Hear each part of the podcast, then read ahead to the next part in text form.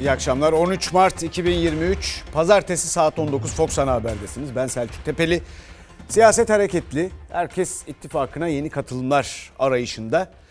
AK Parti Cumhur İttifakı'nı geliştirme genişletme çabalarını sürdürüyor bir yandan. Fakat muhalefetten de tepkiler var. Hüdaparlı ittifaka şehit Gaffar Okkan hatırlatması. Pardon, bu tarafa döner misiniz? Sayın Cumhurbaşkanı'na destek vereceğimizi açıkladık. partilerin her birisinin ayrı bir kurumsal kimliği, parti programı ve e, siyasi fikirleri vardır. Ama sonuç itibariyle hepimizi ortak bir noktaya do- doğru getiren ilkelerimizdir. Diyarbakır Emniyet Müdürümüz Ali Gaffar Okan'ı kalleşçe katleden terör örgütünün siyasi uzantılarıyla kol kola girecek kadar durumları çaresiz vahim. Hizbullah bana göre bir terör örgütü değildir. Hizbullah terör örgütüyle birleştirilen Hüdapar'ı bugün Recep Tayyip Erdoğan o koltukta oturmak için kendi Cumhur İttifakı'na almıştır. AK Parti'nin Hizbullah terör örgütü için terör örgütü değil diyen Hüdapar'a ittifak teklifini konuşuyor siyaset. AK Parti Genel Başkan Vekili Numan Kurtulmuş Hüdapar'ı ziyaret etti. PKK'ya evet demekten Hüdapar'a evet demek arasında hiçbir fark yok. 2000'li yılların başında Türkiye'de birçok kanlı eyleme imza attı Hizbullah terör örgütü. İstanbul, Ankara, Diyarbakır ve Konya'daki mezar evler, Diyarbakır Emniyet Müdürü Gaffar Okan suikasti. Hizbullah bana göre bir terör örgütü değildir. Hüdapar Genel Başkanı Zekeriya Yapıcıoğlu daha bir sene önce kurdu bu cümleyi. Devletin resmi kayıtlarında terör örgütü olarak geçen Hizbullah için terör örgütü değil dedi. Cumhurbaşkanı Erdoğan iki ay önce Hüdapar Genel Başkanı ile AK Parti Genel Merkezi'nde görüşmüştü. 14 Mayıs'ta seçim kararı alınması sonrası iki parti ittifak konusunda anlaştı.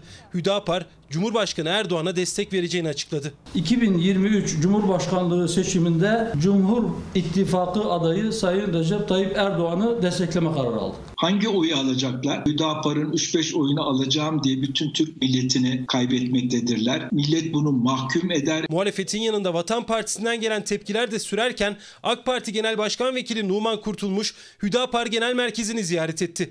Hüdapar sadece Hizbullah terör örgütüne yakınlığıyla değil parti programıyla da dikkat çekiyor. Türkiye Cumhuriyeti Devleti'ne vatandaşlık bağıyla bağlı olan herkesin Türk olduğu nitelemesinden vazgeçilerek Kürtlerin varlığı anayasal olarak tanınmalı, Türkler ve Kürtler ülkenin asli kurucu unsurları olarak kabul edilmelidir. Hizbullah terör örgütüyle onu desteklediğini açıkça söyleyen Hüdapar'ı bile o binde ikilik oy için almak zorunda hisseden Erdoğan karşısında Milliyetçi Hareket Partisi buna ne diyecek? Bir açıklama yapacak mı? Vatandaşlık tanımının değişmesini istiyor Hüdapar Parti programında.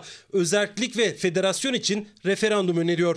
Kürtçe ikinci resmi dil ve eğitim dili olmalı diyor. AK Partili İbrahim Aydemir Millet İttifakı'nı terörle işbirliğiyle suçlayıp Hüdapar'ı övdü. Nerede terörist varsa onlar Millet İttifakı'nı destekliyor ya. Hüdapar Türk bayraklarının altında miting yapıyor. Bahçeli bu saatten sonra şehit Ali Gaffar Okan'ın adını ağzına nasıl alabilecek? Şehit polis memurumuz Atilla Durmuş'un aziz hatırasından hiç utanmayacak mı? Polis memuru Atilla Durmuş, rahmetli Sağlık Bakanı Milliyetçi Hareket Partili Osman Durmuş'un yeğeniydi. Emniyet Müdürü Gaffar Okan'ın da koruma memuruydu. Şimdi Bahçeli bunu nasıl içine sindirecek? Hüdapar'la AK Parti'nin ittifak için el sıkışmasına ilişkin MHP'den henüz bir açıklama yok.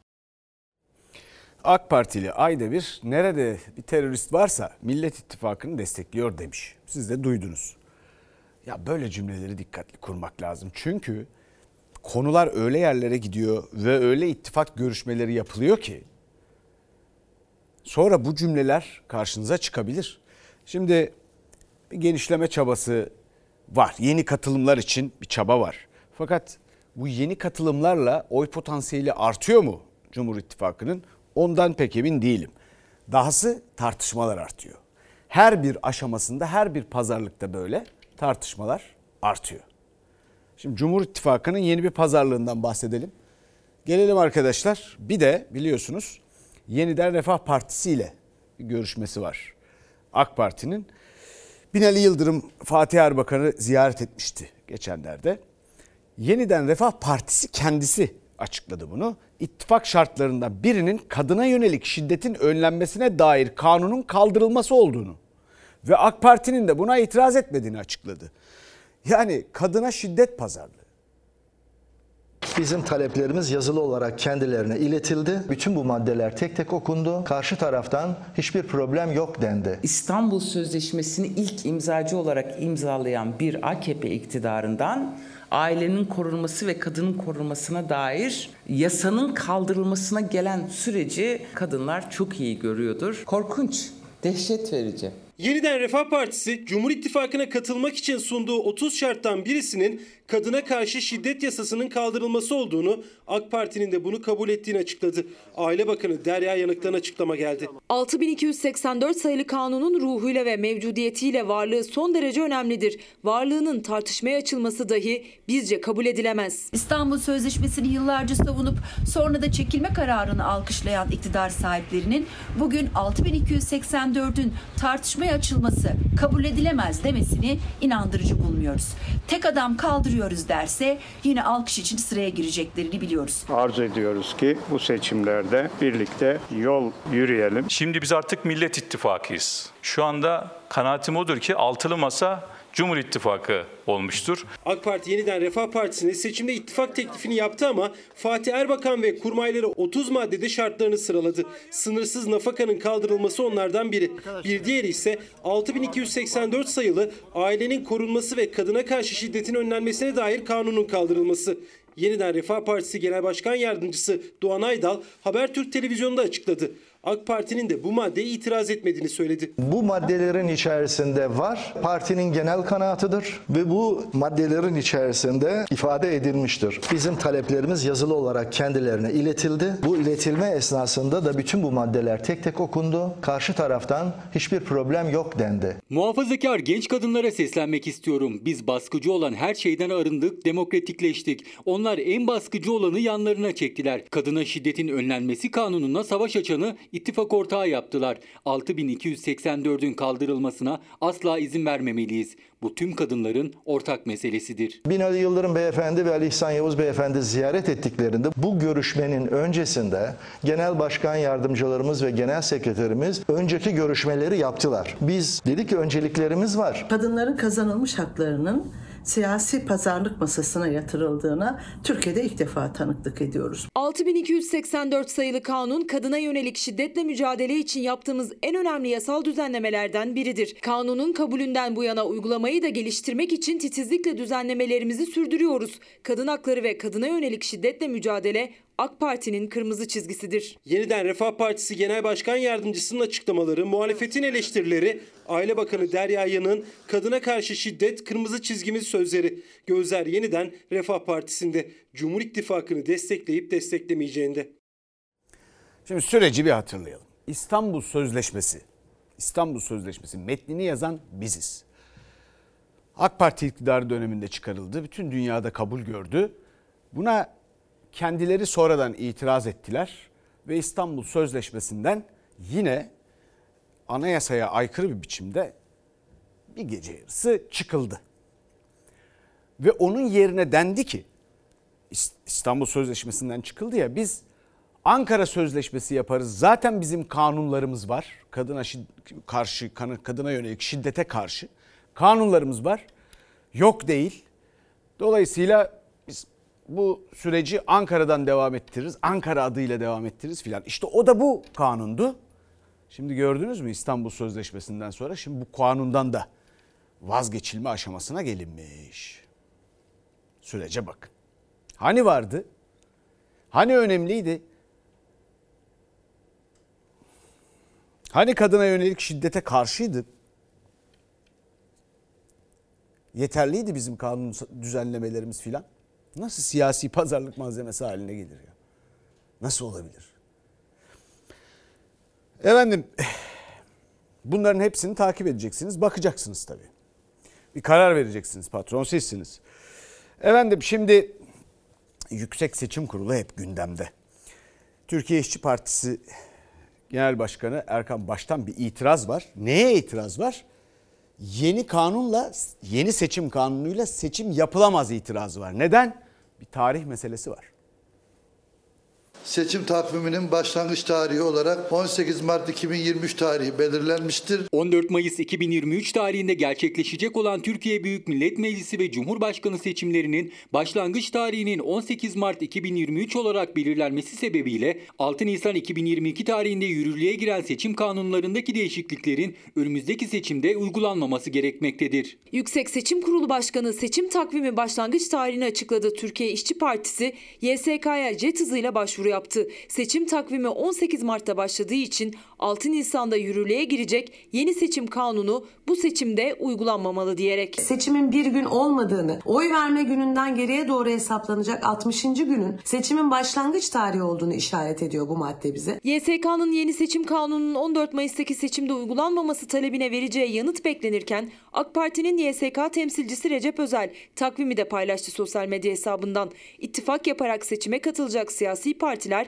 24 Mart'a kadar ittifak protokollerini YSK'ya teslim etmek zorunda. Cumhurbaşkanlığı adaylık başvurusunun son tarihi 23 Mart Cuma saat 17. Cumhurbaşkanı kesin aday listesinin resmi gazetede yayımlanma tarihi ise 31 Mart 2023 Cuma. Yurt dışında ve gümrük kapılarında oy verme işlemi 27 Nisan'da başlayacak, 9 Mayıs'ta sona erecek. E-Devlet üzerinden, nüfus idarelerimiz üzerinden ve nüfus matikleri üzerinden kayıtlarını yerleşim yeri adreslerini alabilecekler. 17'si 23.59'a kadar bunu sağlayacaklar. Seçim takvimi netleşirken 11 ilden başka şehirlere göç etmek zorunda kalan depremzedelerinde 17 Mart 23.59'a kadar E-Devlet üzerinden bulundukları ilde oy kullanmak için beyanda bulunmaları gerekiyor. O tarihten sonra beyan yeterli olmayacak. İlçe seçim kurullarına başvuracaklar. İkametgahları taşınmazsa adreslerinin kayıtlı olduğu ilde oy kullanmak zorundalar. Seçmen listesi neredeyse ancak oraya gitmek suretiyle oyunu kullanabilecek. Sayın Ali İhsan Yavuz, depremzede milyonlarca yurttaşımız bu dört gün içinde nasıl kaydolacaklar? İnterneti var mı? E-Devleti var mı? Teknik imkanları var mı diye soruyor musunuz? Türkiye İşçi Partisi YSK'ya yaptığı başvuruda başka ile göç etmek zorunda kalan depremzedelerin bulundukları ilde oy kullanmalarına dair beyanda bulunma tarihlerinin uzatılmasını istedi. YSK karar verecek. Parmak boyasıyla ilgili de büyük bir çalışma başlatıyoruz. Bir halk hareketi, millet hareketi başlatıyoruz. Vatandaşlarımıza çağrı yapacağız ve bunu talep etmelerini isteyeceğiz devletten. YSK'nın parmak boyası talebine yasal düzenleme gerekiyor diyerek geri çevirmesinin ardından İyi Parti'den halk hareketi başlatacağız açıklaması geldi. İçişleri Bakanlığı da 81 il valiliğine 61 maddelik seçim tedbirleri genelgesi gönderdi. Seçim güvenliği için 601.251 personelin görevlendirildiğini açıkladı. Millet İttifakı'nın bir ortak aday belirlemiş olmasını kuşkusuz önemli e, görüyoruz. Bu adayın tüm muhalefetin adayı haline gelmesi gerekiyor. İlk turda çok büyük bir çoğunlukla, %60'ları aşan bir çoğunlukla e, bu ucube sistemi e, tarihin çöplüğüne gönderebiliriz. HDP'nin de içinde bulunduğu Emek ve Özgürlük İttifakı'nın aday çıkarıp çıkarmayacağı merak edilirken Türkiye İşçi Partisi Genel Başkanı Erkan Baş'ın ortak adayla ilk turda yüksek oy oranıyla seçimi kazanabiliriz açıklaması dikkat çekti. Şimdi efendim merak ediyorum. Acaba bu türden e, itirazları kim Yüksek Seçim Kurulu'na değil de çünkü sorulan sorular Yüksek Seçim Kurulu'nun cevap verebileceği sorular değil. Onun belli bir süreçte belli görevleri var. Anayasada da hepsi düzenlenmiş. Yani o 60 günlük süre içinde başlayıp bitene kadar onun içindeki düzenlemeleri yapmak filan. O ne zaman başlayacak veya ne zaman bitecek bütün bunlar zaten belirlenmiş. Anayasanın 77. 78. 79. 92. 101. ve 116. maddeleri bütün bunları çerçeveliyor. Acaba kim gidecek de bu itirazların Anayasa Mahkemesi'ne yapacak? Ben de merakla bekliyorum. Çünkü gidip Yüksek Seçim Kurulu'na yapıyorlar. Oysa cevabı Yüksek Seçim Kurulu veremez son günlerde tartıştığımız pek çok şeyin cevabını. Efendim Cumhurbaşkanı Erdoğan Adıyaman'dan sonra Hatay'daydı. İlk günlerde vaktinde yetişemediğimiz yerler oldu dedi. Tüm çabalara rağmen ilk günlerde vaktinde yetişemediğimiz yerler oldu. Sen ne yaptın arkadaş 20 senedir ya? Ne yaptın? Ne yaptın bu deprem paralarını? Hiç mi hesap vermeyeceksin? Nasıl helallik? Ne helalliği? Eğer sıkıntılar yaşadıysanız bize düşen değerli kardeşlerim sizlerden helallik istemektir. Mehmetçiklerimizi ilk anda sahaya göndermediğiniz için insanlarımız enkaz altında donarak bağıra bağıra öldü. Himayenizdeki Kızılay çadır kurmak yerine çadır sattı. Sayın Erdoğan bilin ki istifa etmeden helallik istenmez. 11 ilde yıkıma neden olan depremin üzerinden 36 gün geçti. İlk günden bu yana yaşanan eksiklik, aksaklık tartışması sürerken Cumhurbaşkanı Erdoğan Adıyaman'ın ardından Hatay'da da helallik istedi.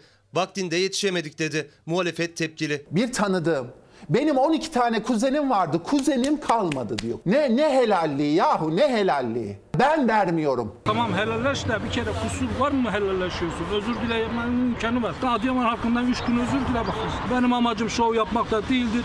Benim düşüncem budur. Yüreğim yanmıştır. Adıyamanlı depremzede Erdoğan'ın helallik isteğine böyle tepki göstermişti Babacan'la sohbetinde. Cumhurbaşkanının yıkımın en büyük olduğu Hatay'da da helallik istemesi muhalefeti öfkelendirdi. İnsan iradesini aşan hususların olmaması, kimi aksaklıkların yaşanmaması mümkün değildir. Bize düşen sizlerden helallik istemektir. Depremzede yurttaşımıza yardımı ulaştırmayan İçişleri Bakanı'nı da, telefonları çalıştıramayan Ulaştırma Bakanı'nı da, elektriği ulaştıramayan Enerji Bakanı'nı da görevden almadınız. Hangi yüzde helallik istiyorsunuz? Haksızlığa uğrayana hakkını vermeden helalleşme olmaz. Türkiye 6 Şubat depremlerinin sınamasından alnının akıyla çıkmıştır. Allah bir daha böyle afetlerle bizleri sınamasın. Hele böyle bir iktidarla hiç sınamasın. Cumhurbaşkanı Erdoğan deprem sonrası ilk günlerde arama kurtarma ekiplerinin zamanında müdahale edememesi, yaşanan sıkıntılar,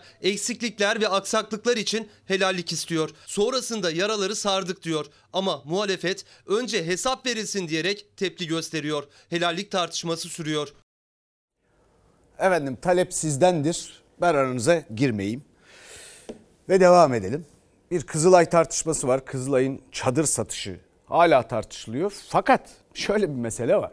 Kızılay'ın çadır satışı, Kızılay'ın yapması gerek, gerekip de yapmadıkları hala tartışılıyor. Fakat bir mesele var. Kızılay Başkanı bütün bunlarla uğraşacağına sosyal medyada laf yetiştiriyor. Yani laf çok, istifa yok. Çadır yok. İnsanlar donuyor. Eksi 10 derece. Ben hemen alın dedim. Arkadaşlar bunu her gün yaptığı o işlemlerden bir işlem olarak inisiyatif kullanmışlar. Eleştirdim de arkadaşlarımızı. Afet zamanı Kızılay veya Kızılay'ın şirketlerinden biri çadır satıyorsa Kızılay'ın başkanı istifa eder. Bu kadar. Sen nasıl çadır satarsın ah baba? Üçüncü gün kardeşim senin o çadırları çoktan yollaman lazım bölgeye. Bizim Kızılay'ımızı bu hale getirmeye bunların hakkı yok. Depremzedeler çadır beklerken deposunda tuttuğu çadırları Ahbap Derneği'ne sattı Kızılay. Günlerdir istifa çağrıları yükseliyor. Ünlü komedyen Şahan Gökbakar da tepki gösterince skandal ortaya çıktığında arkadaşlarımı eleştirdim diyen Kızılay Başkanı Kerem Kınık bu kez savunmalarına yenilerini ekledi. Ben de insanım, babayım. Kızılay o para ile tekrar çadır dikiyor ve önümüzdeki günlerde onları da vatandaşlarımıza gönderecek zaten. Hepimiz babayız. İnsanın baba olması etik değerler sahibi olduğu anlamına gelmiyor.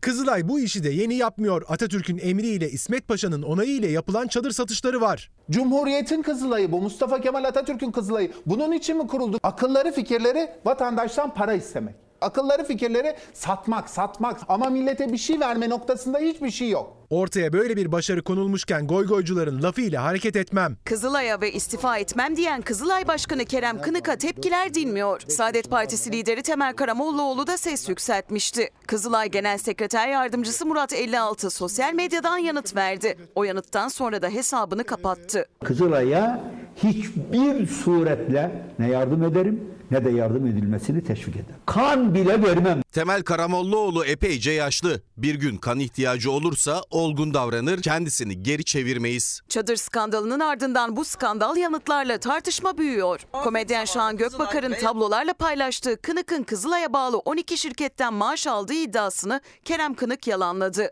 Mütevazı ödeme yapıldığını söyleyerek açıklamaları istifa çağrılarını dindirmeye yetmedi. Almıyorum Şahan Bey 12 yerden maaş, huzur hakkı falan almıyorum. Türk Ticaret Kanunu çerçevesinde yaptıkları tek mütevazı ödenti de büyük ölçüde cemiyetin ve başkanlığın idari harcamaları için kullanılıyor. İstifa ediyorum. Der çıkar giderdim sizin yerinizde olsam. Ama sizin yerinizde değilim. Liyakatları olan insanlar sizlerin işgal ettiği görevlerde değil. Bana cevap vermeyi bırakın. özür dileyin ve istifa edin. Evet sözler nereye kadar varıyor? Bu türden tartışmalarda bir laf yetiştirme telaşı varsa işte Atatürk'e kadar filan gidiyor. Şimdi Hilali Ahmer Cemiyeti'nin, Osmanlı Hilali Ahmer Cemiyeti'nin hikayesinden, tarihinden bile haberleri yok gibi konuşuyorlar. 1868'de kurulmuş. 1800 Haziran 1868. Ve birinci Cenevre Sözleşmesi'ne dayanılarak kuruluyor. Uluslararası bir tarafı var. O da 1864. Ağustos 1864. Birinci tüzüğünde de bütün bu şu anda da dayandığı uluslararası sözleşmelere göre de faaliyetleri böyle holding gibi filan yürütülemez. Yürütülemeyeceği gibi kurulduğu zaman Abdülaziz üstüne titriyor. Sonra Abdülhamit, Osmanlı-Rus Savaşı, ardından e, Çanakkale Savaşı, e, milli mücadele inanılmaz faydaları var. Atatürk, Abdülhamit'ten sonra Atatürk üstüne titriyor. Şimdi bugünkü başkanı da atıyor tutuyor. Bu çerçevede uluslararası sözleşmelere dayanan aynı zamanda ilk tüzüğünün bazı maddeleri kesinlikle değiştirilemeyecek olan bu kurumun faaliyetleri işte Bakanlar Kurulu denetliyormuş filan. Neyi denetliyor? Bir kere zaten soru şurada. işini yaptı mı yapamadı mı? Ya bütün bu tartışmalara gerek yok. Çanakkale Savaşı'nda kahramanlıklar gösteren, Birinci Dünya Savaşı'nda öyle, Osmanlı-Rus Savaşı'nda öyle. Küresel bir saygısı bulunan bu kurum işini yaptı mı, yapamadı mı? Gayet basit bir soru ya. Bu depremlerden sonra. Dolayısıyla böyle o kadar uzun zaman öncesine şuna buna gitmeye gerek yok ki. Ya bütün bunlar sadece bugün o kuruma değil, Türk Kızılay'a değil, aynı zamanda Abdülaziz'e, Abdülhamit'e, Atatürk'e de saygısızlık. Bu nasıl şey ya? Anlamak mümkün değil. Ama öte yandan bakın insanlar gelir geçer. Kurumlar kalır. Yani çok ileri de öyle kan vermemek, öyle şeyler de söylememek lazım. Benim kanaatimce. Kurumlar kalıcıdır. Böyle kurumlar hikayesi yüzyıllara yayılmış kurumlar kolay kolay olmaz. Zaten mesele de budur. Başında böyle yöneticiler ve haklarında böyle kararlar verilemez dememizin sebebi budur. O yüzden şu anda eleştirenler de üstüne titriyor. Efendim şimdi devam edelim siyasetten. İçişleri Bakanı Süleyman Soylu e, deprem bölgesinde ihtiyaç listesini paylaştı. Depremzedeye çay bile verememişiz. Kahvaltı verdiğimiz yerler var, veremediğimiz yerler var. Çay, şeker, kahvaltılık, seferberlik halinde olan vatandaşlarımızdan taleplerimiz bunlardır. Süleyman Soylu depremzedelere çay yardımı, kahvaltı yardımı, şeker yardımı istiyor. Hayırdır Süleyman Soylu? Sellerde, afetlerde, mitinglerde attığınız çaylar bitti mi? Tükendi mi çaylar? Cumhurbaşkanımız sizlere çay ikram edecek. İçişleri Bakanı Süleyman Soylu'nun deprem bölgesindeki ihtiyaçları sayarken çay istemesine karşı muhalefet Erdoğan'ın mitinglerde çay dağıtmasını hatırlattı. O çayları atarken düşünecektiniz onları. O çay bugün lazım. İnsanların kafasına atmak için değil. Birinci talep, altını çizerek söylüyorum, kuru gıda kolisidir. İkinci talep, hijyen ve kişisel temizlik ürünleridir. Bahar ve yazlık giysiye çocuk, büyük ihtiyaç var. Türkiye'nin dört bir yanından on binlerce tır dolusu yardımlar deprem bölgesine ulaşırken ihtiyaç listesini paylaştı İçişleri Bakanı Süleyman Soylu. Kahvaltılık malzemeye de özellikle ihtiyaç olduğunu söyledi. Depremzedelerin bir kısmına kahvaltı verilemediğini. Kahvaltı verdiğimiz yerler var, veremediğimiz yerler var. Onun için kahvaltılık ürün istiyoruz. Depremzede milyonlarca yurttaşımıza bir yıl içinde kalıcı konutlarını vereceğiz diyen iktidar hala kahvaltı ihtiyacını bile karşılayamıyor. Bir de utanmadan saraya tanesi 70 bin dolardan onlarca at alıyorsunuz. Saraya at alana kadar depremzedeye kahvaltılık götürseniz ya. Biraz önce kahvaltılık söyledim, çayı, şekeri de tekrar eklemek istiyorum. Vatandaşlarımızdan taleplerimiz bunlardır. 36 gün sonra hala çadır yok, su yok, çay yok ve ar edip de istifa eden tek bir yönetici yok. Türkiye çay üretiminde dünyada 5. sırada. Devletin elinde Çaykur gibi bir kurum var. Ama deprem bölgesinde çay sıkıntısı olduğunu söyledi İçişleri Bakanı Süleyman Soylu. Vatandaşlardan çay istiyoruz dedi. Sayın Süleyman Soylu çay kahvaltı götürün. Ya bırakın çayı kahvaltı. O çayları siz zaten otobüsten milletin kafasına attınız. Cumhurbaşkanımız Recep Tayyip Erdoğan. Cumhurbaşkanı Erdoğan'ın mitinglerde hatta Karadeniz'deki sel felaketi sonrası afetzedelere çay dağıtması o günlerde de çok tartışılmıştı. Bugün İçişleri Bakanı depremzedeler için çay isteyince muhalefet arşivi açtı. Milletin kafasına çay atıyordunuz. Şimdi depremzedeye çay istiyorsunuz. 115 milyar para topladınız. Depremzedeye yardım etseniz ya. Yazıklar olsun. Çay önemli. Yani bizim günlük alışkanlıklarımızdan biri. Psikolojik manada da önemli. Herkes bu konuda zaten söyleyeceğini söylemiş. Dolayısıyla üstüne bir şey katmayayım ama şu ihtiyaç listesini tekrar etmek isterim çünkü önemlidir. Bir, kuru gıda kolisi. iki yazlık, baharlık kıyafet. Üç, kahvaltılık, çay, şeker bunun yanında. Dolayısıyla bunlar ihtiyaç listesinde. Şimdi bakalım depremzede ne yiyip ne içiyor? Yemeği hep böyle bu aşevinden mi alıyorsunuz? Buradan alıyoruz yemeği. Çadırlarda pişirme şansınız var mı? Yok. Neden? Tüp yok. Tüp yok. Ateşte yemek yapmaya çalışıyoruz ama bir yere kadar. Aşevi verirse yiyoruz, vermezlerse aç kalacağız. Biz tarlada kalıyoruz. Ne tüp var ne bir şey ya.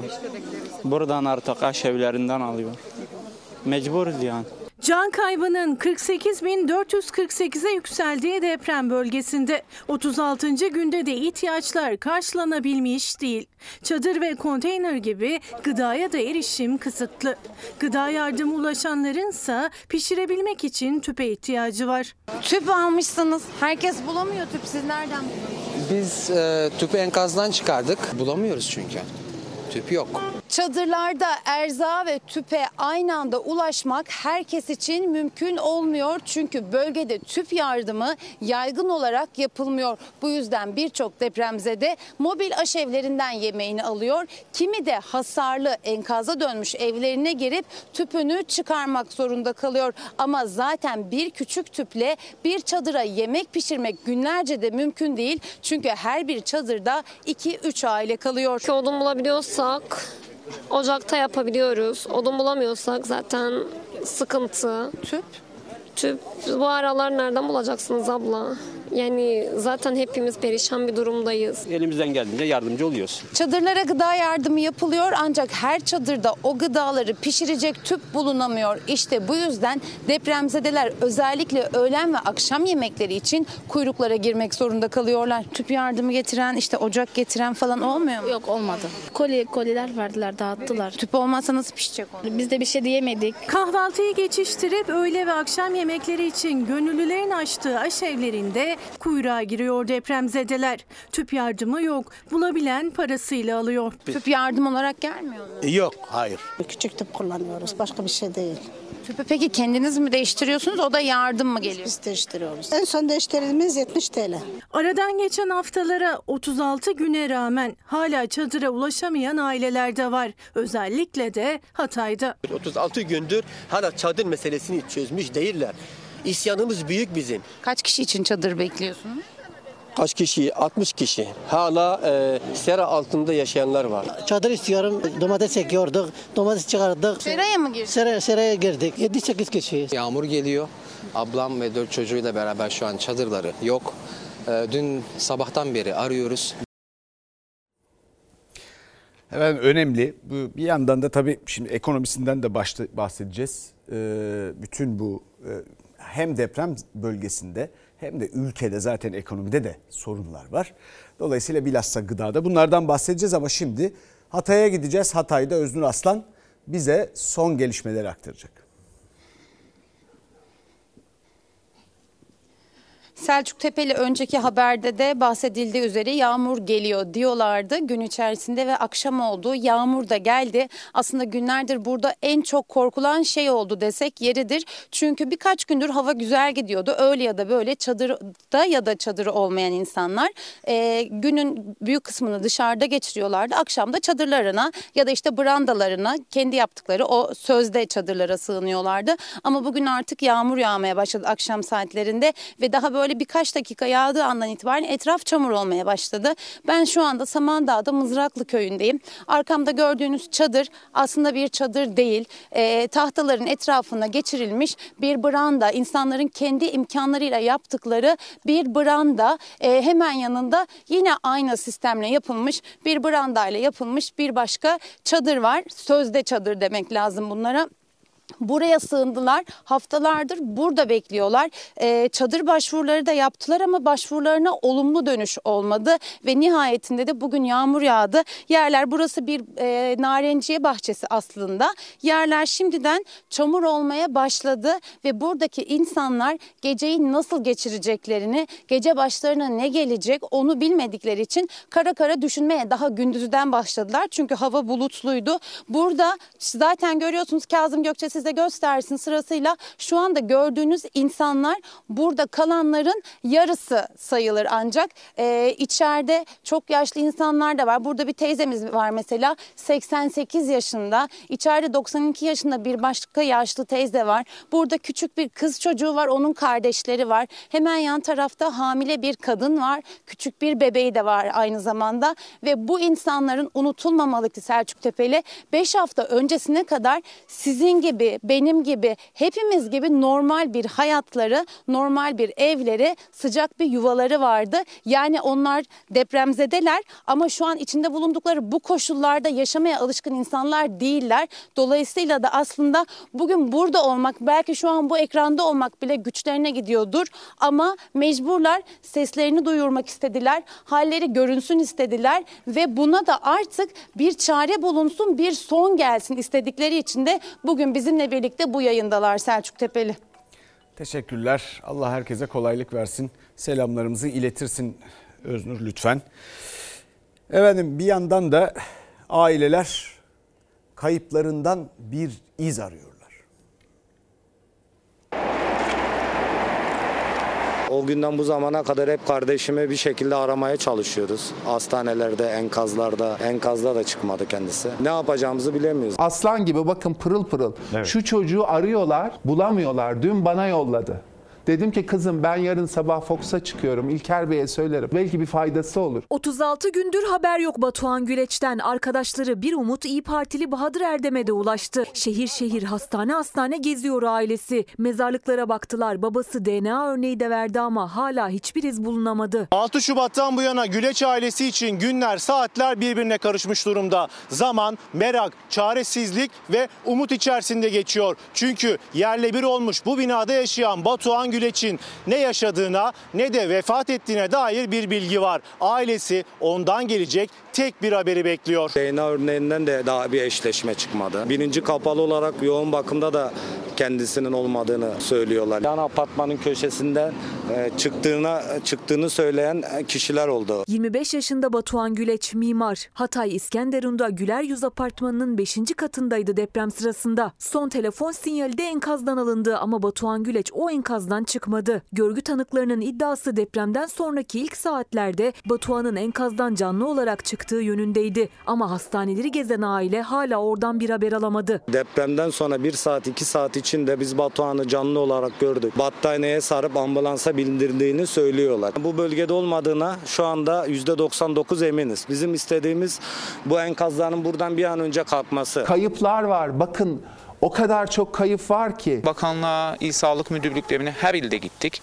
Ee, herhangi bir resmi sonuç alamadık. Yine İskenderun'da Özaltın Apartmanı enkazındaki arama çalışmaları da sona erdi. Orada da 55 yaşındaki Betül Nuran Çelik'le 35 yaşındaki Hatice Güldem Çelik bulunamadı. Enkazdan çıkmayan anne ve kızdan hiçbir iz yok hala. Bundan sonra bu tişörtlerle gezeceğiz. Çıkmadılar, hiçbir yerden çıkmadılar. Baka bir yerdeler ve yaşıyorlar. Ben e, yaralı çıktım. Belden aşağım tutmuyordu. Enkaz kalkana kadar hep oradaydım. Ama hiçbir şekilde çocuğun ne cesetini ne dirisini bulamadım. Hastanelere baktım, hastanelerde yok. İstanbul'a gittim, İstanbul'da yok. Ankara'ya gittim. Serap Gülse 16 yaşındaki oğlu Mustafa Eren Suva'yı arıyor. O da Malatya'da enkaz altında kaldı. Çıkarıldı. O günden beri de oğluna ulaşamadı. Her yolu deniyor aileler. Çaresizce bekliyorlar. En azından ölüsünü bulayım. Ölüsünü bulayım ki hani bir mezarı olsun. Hani yaşayan ölü gibi oldum artık. Bir kıymetli izleyicimiz demiş ki bir siyasi parti neden kadına şiddet yasasının kaldırılmasını ister anlam verebilmiş değilim. E ben de onu diyorum zaten. Buna bakmak lazım. O yüzden herkes merak ediyor. Birileri belki açıklar. Fakat bu çeşit soruların ki sayısı da artacak belli ki cevabı ya da yanıt verecek olanlar sizlersiniz. Efendim şimdi arkadaşlarım haber merkezinde çok önemli bir noktanın bir konunun altını çizdikleri bir haber yaptılar. Biliyorsunuz liseye, üniversite sınavlarına hazırlanıyor Türkiye'de öğrenciler ve deprem bölgesinde de pek çok öğrenci var. Onlar ne şartlarda hazırlanıyorlar? Ve bu sınav adil bir sınav olur mu bu şekilde? Çok önemli bir soru bu. Enkazda en çok neyin kaldığına üzüldün? Enkaz ilk başta her şey yıkıldı ya ben dedim aha mahvolduk. Kitaplara yazık oldu çünkü YKS 5 ay kaldı. Benim tüm kitaplarım gitti. Onu üzüldüm. Eğitim bizim geleceğimiz. YKS'ye hazırlanıyoruz. Hayallerimiz bitti. Her şey bitti. Depremzede öğrencilerin enkazdan çıktığında bile aklında üniversiteye hazırlık kitapları vardı. Yaşıtlarıyla aynı hayallerle lise ve üniversiteye hazırlanıyorlar. Aynı sınava girecekler ama bambaşka şartlar altında. Yakınlarını kaybettiler, evleri, okulları yıkıldı, gidebilecekleri dershaneleri kalmadı. Bu psikolojiyle çadırda sınava hazırlanıyorlar. Ne kadar çalışabilsek de sonuçta bir destek yok. Hani öğretmen desteği farklı sonuçta. Hani dershaneye gidiyorduk hepimiz. Zaten bir eşitsizlik vardı. Şu anda o bölgede olan çocuklarımızın ne çalışabilecekleri ortam var, ne hazırlanabilecekleri ortam var. Siz üniversiteye mi hazırlanıyorsunuz? Evet. Evet, üniversiteye hazırlanıyorum. Çadırda kaldığımız için ders çalışma imkanımız olmuyor. En büyük ihtiyacınız nedir? Kitaba ihtiyacımız var. Kitapları yok, barınacakları yerleri yok, psikolojik olarak destekleri yetersiz. Yani böyle bir süreçte bir de bu çocukların sınavda bir başarı göstermesini beklemek zaten bir eğitimcinin düşünemeyeceğiymiş. Deprem bölgesinde her yaş grubundan öğrenci mevcut durumdan çok etkilendi. Çadırda yaşadıkları için ders çalışamıyorlar, kitaba ihtiyaç duyuyorlar. Özellikle lise ve üniversiteye hazırlanan öğrenciler bu koşulların bir an önce düzelmesini bekliyor. Çadırda odaklanamıyoruz, ders yapamıyoruz. Üniversiteye giriş sınavı YKS 17-18 Haziran'da, liseye geçiş sınavı ise 4 Haziran'da. Geri sayım başladı. Bakanlık depremzede öğrencilerin istedikleri illerde sınava girebileceğini açıkladı. Ancak eğitimcilerin endişesi var. Çünkü önemli olan sınava nerede girdiklerinden çok nasıl hazırlandıkları. Adaletli bir şey var etmek istiyorsanız yapabileceğiniz şey e, kontenjanlarda artışa gidebilirsiniz. Bu büyük felaketi dikkate alarak 9. sınıfta çocuklara bir şans daha verebilirsiniz bu anda. Eğitim İş Sendikası Başkanı Kadem Özbay'a göre sınav senesindeki öğrencilere hazırlık için bir yıl daha tanınabilir. Çünkü fiziki şartlar kadar eşit olmayan bir diğer koşulsa öğrencilerin psikolojileri. Şunun ayrımını yapamazsınız Gamze Hanım. Çocuk belki deprem anında Ankara'daydı ailesi Hatay'da vefat etti. Orada olmamasına rağmen aynı psikolojik travmayı o çocuk da yaşayabilir. Binalar hasarlı olsa da en azından bir çadır e, şey yardımı yapabilirler. Kitap eksiğimiz var. Hani en azından destek bekliyoruz. Emre Üskübarlas'ın haberinin ardından Emre Üskübarlas'a bağlanalım ve Adıyaman'dan bize son gelişmeleri aktarsın.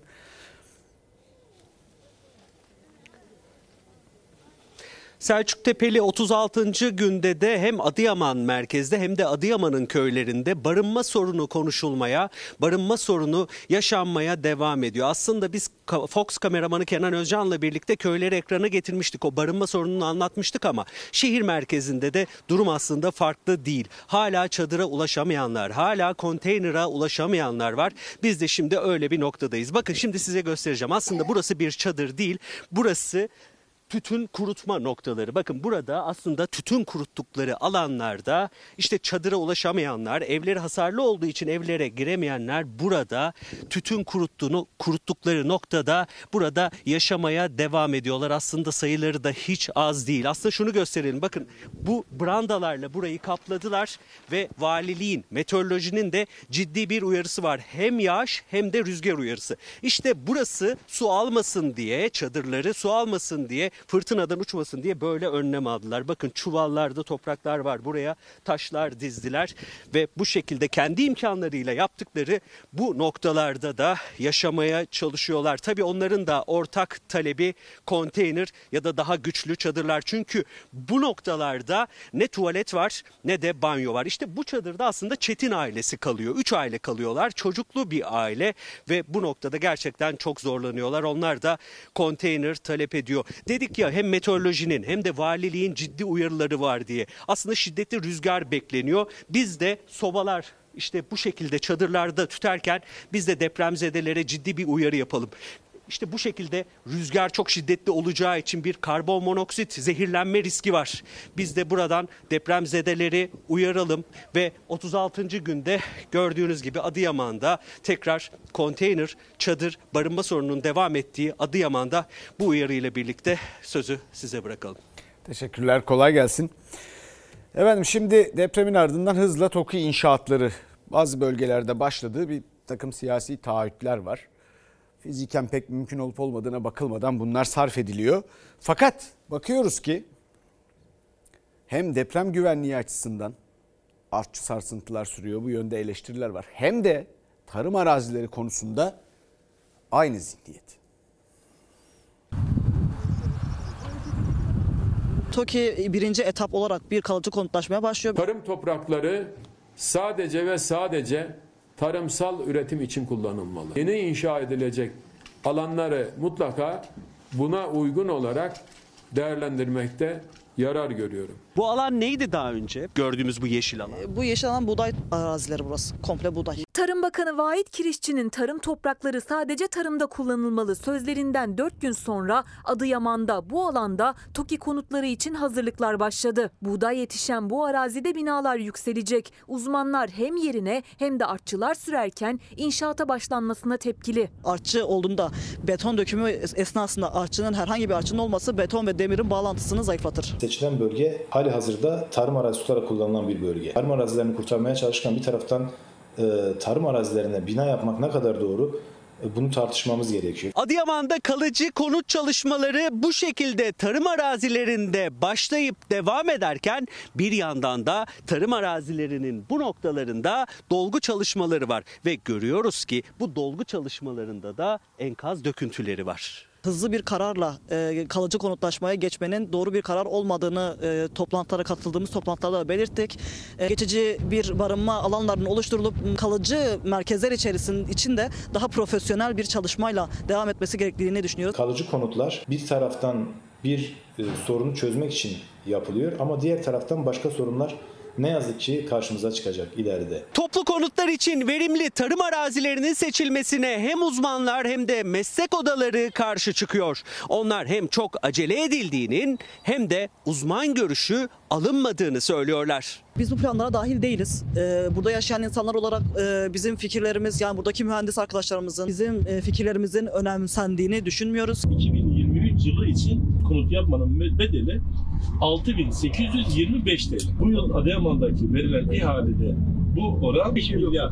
Deva Partisi lideri Ali Babacan da Adıyaman'da mühendis, mimar ve şehir plancılarıyla bir araya geldi. Bir başka noktada Kahta ilçesinde başlatılan konut projesi ihalesinin Çevre ve Şehircilik Bakanlığı'nın belirlediği yapı maliyetinin iki katından da pahalıya verildiğini anlattılar. 716 bin liraya mal edecek yeri 1 milyon 558 bin liraya halka satacaklar. Efendim Türkiye Cumhuriyet Merkez Bankası uyardı geçenlerde. Gıda grubundan enflasyon artmaya devam ediyor diye. E ne olacaktı? Bunu hep söylemedik mi biz? İşte böyle olunca bu zihniyetle devam edince netice bu olacak. Başka ne olabilir? Ve neticede işte görüyorsunuz Ramazan kolisi yüzde yüzden fazla zamlanmış. Ramazan kolisi mi? Tek tek alıyorum. Mecburen herhalde hayat şartları öyle gerekiyor. Toptan paramız yok alalım. Ramazan'da insanlar daha geniş sofralar kurmak istiyor. Mümkün mü? Mümkün değil. Hiçbir şey alamıyorsun. Ben şu an burada 15 tane yumurta alırsam alırım. Artık geçinmek çok zor. En ucuzu 200 lira. Sizce nasıl? 150 liradan aşağı peynir yok. O kolinin içine ne koyuluyor ki 200 liraya? İçinde en temel ürünlerin kısıtlı gramlarla olduğu Ramazan kolileri %100'den fazla zamlandı. Salça, ayçiçek yağı, pirinç, makarna, şeker, çay ve undan oluşan en küçük koliler geçtiğimiz yıl 99 liraydı. Bu yıl en uygun fiyatlısı 200 lira. Tüketici artık koliyle toplu alışveriş yapamıyor. İçindekileri tek tek almaya da yetişemiyor. Ramazan'da büyük sofra hayali giderek daralıyor. Hiçbir şey alamıyorum. Ne yapacaksınız mesela ilk gün? Ne yapacağız bilmiyorum ki. Çok zor.